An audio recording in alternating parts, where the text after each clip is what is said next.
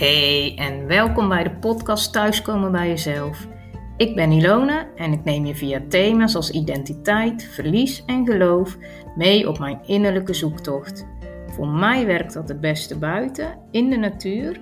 Dus ik nodig je uit om de natuur op te zoeken en je al luisterend te laten inspireren om samen met mij de weg naar je hart te bewandelen en uiteindelijk thuis te komen bij jezelf. Ik zit na lange tijd weer eens in het zonnetje om uh, de inspiratie die vastzit in mijn hoofd uh, op een rijtje te krijgen.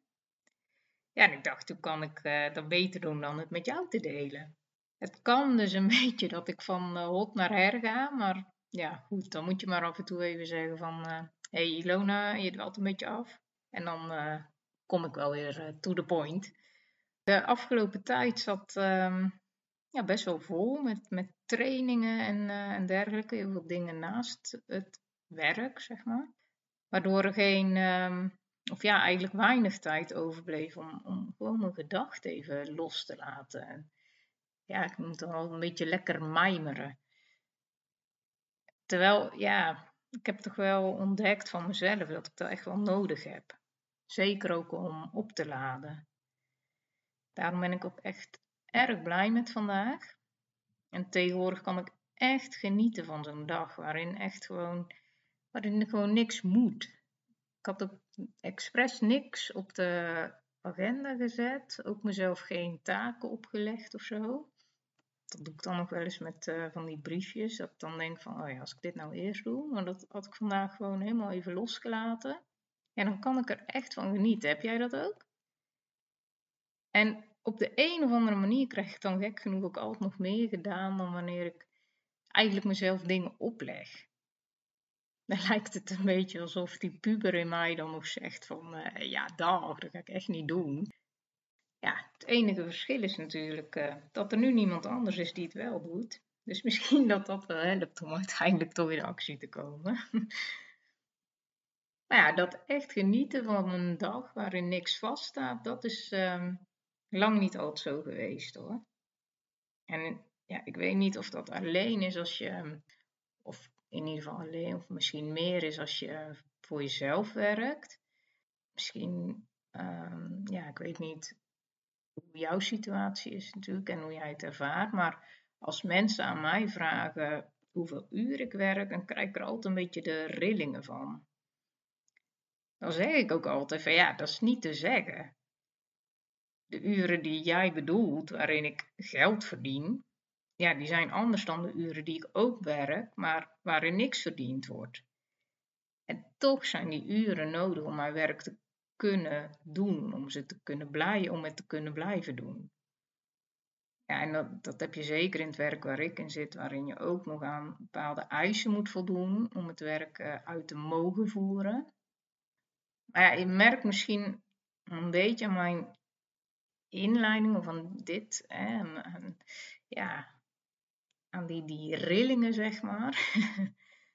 um, dat het ergens wringt voor mij. En ja, dat het ergens ook wringt dat ik bijvoorbeeld geen bewijs heb in bijvoorbeeld die 32-urige werkweek. Alsof die zoveel urige werkweek aan gaat tonen aan de ander hoeveel ik waard ben. Want ja, zo werkt het in veel gedachten nog wel. En zo werkt het nog niet eens zo heel lang geleden in mijn hoofd ook. En doe ik wel genoeg? Ben ik wel goed genoeg? Moet een stapje meer doen? Maar als je de vorige aflevering gehoord hebt, dan ja, heb je ook gehoord dat dit soort gedachten mij niks hebben gebracht. En het leven heeft mij met harde lessen liefdevol leren loslaten. Maar wat is nu dat liefdevol loslaten dan? Iemand uh, reageert ook mooi van ja, liefdevol loslaten. Het, het, voelt niet als liefdevol. Dus daar wil ik in deze aflevering ook uh, verder met je over nadenken. In het leven moeten we heel vaak loslaten. En wat de impact van het loslaten is, ja, dat is natuurlijk heel afhankelijk van wat je los moet laten, maar ook hoe jij als persoon bent en hoe jij in het leven staat. Maar het is een feit dat loslaten rouw meebrengt. In het klein of in het groot. Ja, en aan rouw is geen handleiding verbonden. Al lijkt soms misschien ook door de theorieën die er zijn, hè, dat het helemaal in bepaalde processen moet lopen via bepaalde stappen, maar zo werkt het niet. Rouw gaat bij iedereen een eigen weg, soms met vlagen, soms heel intens, soms kort en soms lang. Dus totaal geen pijl op te trekken. Maar wat wel vaststaat, is dat het er is. En dat het een plek mag hebben in je leven, of eigenlijk een plek moet hebben in je leven. En dat is lastig, want in deze tijd wordt het ook steeds lastiger om die rouwen te laten zijn. Ja, gewoon puur omdat het leven soms ook gewoon heel, nou, laat ik netjes blijven, rot is. We leven in een tijd waarin alles leuker, mooier, gelukkiger moet zijn. Ja, en dat het leven vaak ook gewoon rauw en hard is, dat er hè, lijden is, dat mag bijna niet meer getoond worden. En hard is het leven. Ik heb het zelf ondervonden, zoals je misschien eh, als je de vorige aflevering geluisterd uh, hebt kunnen horen. Ik heb het ondervonden met het ziek zijn en het overlijden van mijn vriend. Uh, wat ik toen nog niet heb verteld is, toen hij in de hospice lag, kreeg zijn moeder ook een hartstilstand. En ook zij kwam te overlijden. En ja, dat was echt een hele intense, onwerkelijke tijd met het toeleven naar het overlijden van mijn vriend en plotseling overlijden van zijn moeder. Dubbele begrafenis die volgde. Ik was ja, zelf ook even totaal de weg kwijt. Ik wist niet wat ik met mezelf aan moest. Alsof je echt in zo'n ontzettend slechte film zit. En ik wilde zo snel mogelijk uit die film. Maar ja, achteraf gezien ook. Ja, ik maakte het mezelf ook zo moeilijk. Ging eigenlijk handelen naar waar ik altijd op terugviel. Sterk zijn, doorgaan, doe het wel alleen, kan wel alleen. Ja, er nestelde in mijn hoofd dat ik niet meer verdriet mocht hebben dan het gezin van mijn vriend. Ja, wat stelde mijn verlies nou toch voor in vergelijking met dat van hen? ergens voelde het ook alsof mensen dat dachten. Ik voelde dat in. Terwijl dit echt nooit zo tegen mij gezegd is. Echt één tip, even buiten dit alles om. Zeg nooit over iemand, met name een jong iemand die verlies heeft geleden, dat ze toch weer snel een nieuw leven opbouwen omdat ze nog jong zijn. Ook, ook niet tegen een ander. Ik heb het mensen wel horen zeggen en dat doet pijn, echt pijn. En niet alleen omdat ik zelf weet hoe het is, maar het doet zo'n ontzettende afbreuk aan het verdriet dat iemand kan hebben.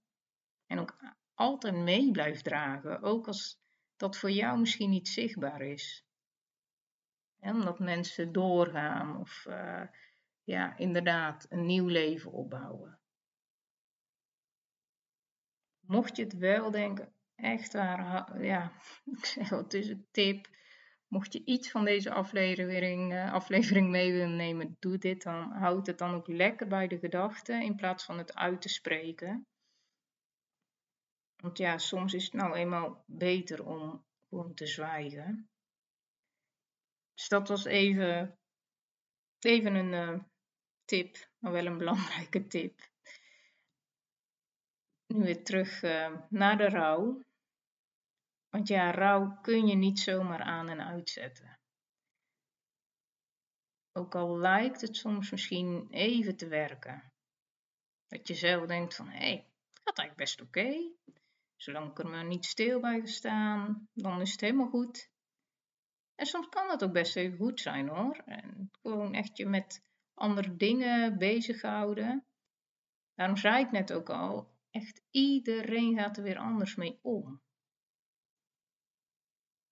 En dat geeft ook niet. Dat is juist ook het mooie. Dat, kijk, ergens zouden we heel graag willen dat we precies zouden weten wat we moeten doen. Maar hierin komt juist die uniekheid van iedereen naar boven. Geef jezelf of die ander vooral de ruimte om te ontdekken hoe ermee om te gaan. Denk niet dat als iets het ene moment goed gaat, het dan voortaan ook altijd goed moet gaan. Dat je dan hè, nooit meer een, een slecht moment mag hebben. Of andersom, dat als het nu niet lukt om dingen op te pakken, dat dit ook nooit meer gaat lukken. Het is een steeds terugkerend proces waar je, je ook gewoon in mag groeien. Maar dat vraagt ook wel echt iets van jezelf. In de vorige aflevering had ik het ook over een eigen stuk verantwoordelijkheid. We hebben ons eigen stuk te dragen. En daar komt liefdevol loslaten uit die aflevering ook vandaan. En zoals dan ook diegene zei van dat het niet voelt als liefdevol, dat, dat klopt ook, want het, het lijkt ook heel dubbel. Aan loslaten kleeft altijd iets van, van verlies. Iets, ja, verlies is vooral bij ons toch iets, iets negatiefs. En hoe kan dat dan liefdevol gaan? En dat is iets wat ik zelf ook echt heb moeten leren en nog steeds iedere dag moet leren. Zo had ik na het overlijden van mijn vriend, weet ik nu, ook geleerd van eerdere verlieservaringen. Dat ik bijvoorbeeld verdrietig of boos mocht zijn en dat ik dat ook mocht uiten. Maar het was ook goed als ik niet constant verdriet had. Ik was heel wat uh, milder voor mezelf. Ik ben benieuwd of jij dat uh, ook bij jezelf herkent. Of je, ehm, nou ja, van bijvoorbeeld eerdere verlieservaringen, waar je op een bepaalde manier mee bent omgegaan en dat dat dan later anders ging, of dat je je daarin anders gevoeld hebt, of um, ja, dingen anders hebt aangepakt. Ja, misschien ook een. Uh, mooi om gewoon eens even over na te denken de komende tijd. Misschien dat je dan al een beetje merkt ehm, dat dat loslaten, en dan met name het liefdevol loslaten, dat daar ook dat proces al in zit. Want het ding is, voor mij in ieder geval, uh, met liefdevol loslaten, zoals ik het zie, zoals ik het ervaren Dat doe je niet alleen naar de ander of naar of in een situatie. Het is iets wat je vooral naar jezelf toe doet. Door de manier waarop je naar jezelf kijkt, hoe je over jezelf denkt, hoe zie jij jezelf in relatie naar anderen of in de situatie waar je in zit? Ik ben momenteel met iets bezig waardoor ik je hier ook verder mee ja, op weg wil helpen en ook verder mee wil, uh, ja, verder inzicht wil geven. Het zit nog vooral in mijn hoofd, merk je al, hè? ik ben daar echt wel zoekende in nog. Uh, dus ik heb echt even de tijd nog nodig om dit uh, uit te werken, zodat het echt jou kan gaan helpen. Dus ik hoop dat je ja, ook het geduld hebt uh, naar mij toe, zeg maar. En uh, om ook te blijven volgen via social media of, of vraag het gratis e-book aan op de site als je dit nog niet gedaan hebt. Want dan kom je op mijn e-maillijst en dan kan ik je dus via de mail op de hoogte houden. Uh, sowieso van, van wat, wat ik doe of hier als er een nieuwe podcast is of wat dan ook. Maar ja, ook van dit stukje, van de verdere ontwikkelingen hierin. dan hoop ik het ook ehm, ja, binnenkort met je te kunnen delen. En ik hoop ook dat het ehm, ja, niet uh, al te veel voor je voelt als uh, van hot naar her, maar dat er toch een soort van lijn nog in zat. Dat ehm, al de spinsels in mijn hoofd. En anders, nou ja, heb je daar ook iets van, van meegekregen. En ja, voor nu wil ik het hierbij laten en wens ik je een heel, hele fijne dag nog toe of een fijne avond, wanneer je dit ook luistert. En uh, tot de volgende aflevering. Heel erg bedankt dat je geluisterd hebt naar de podcast Thuiskomen bij jezelf. Wil je de afleveringen overzichtelijk onder elkaar en niks missen? Abonneer je dan op deze podcast. En ik vind het fijn om te horen of een aflevering iets bij je in beweging heeft gebracht, of misschien heeft het vragen opgeroepen. Je kunt reageren bijvoorbeeld via het contactformulier op www.issue.nl ISYOU of volg me op Instagram, Ilona Zonneveld.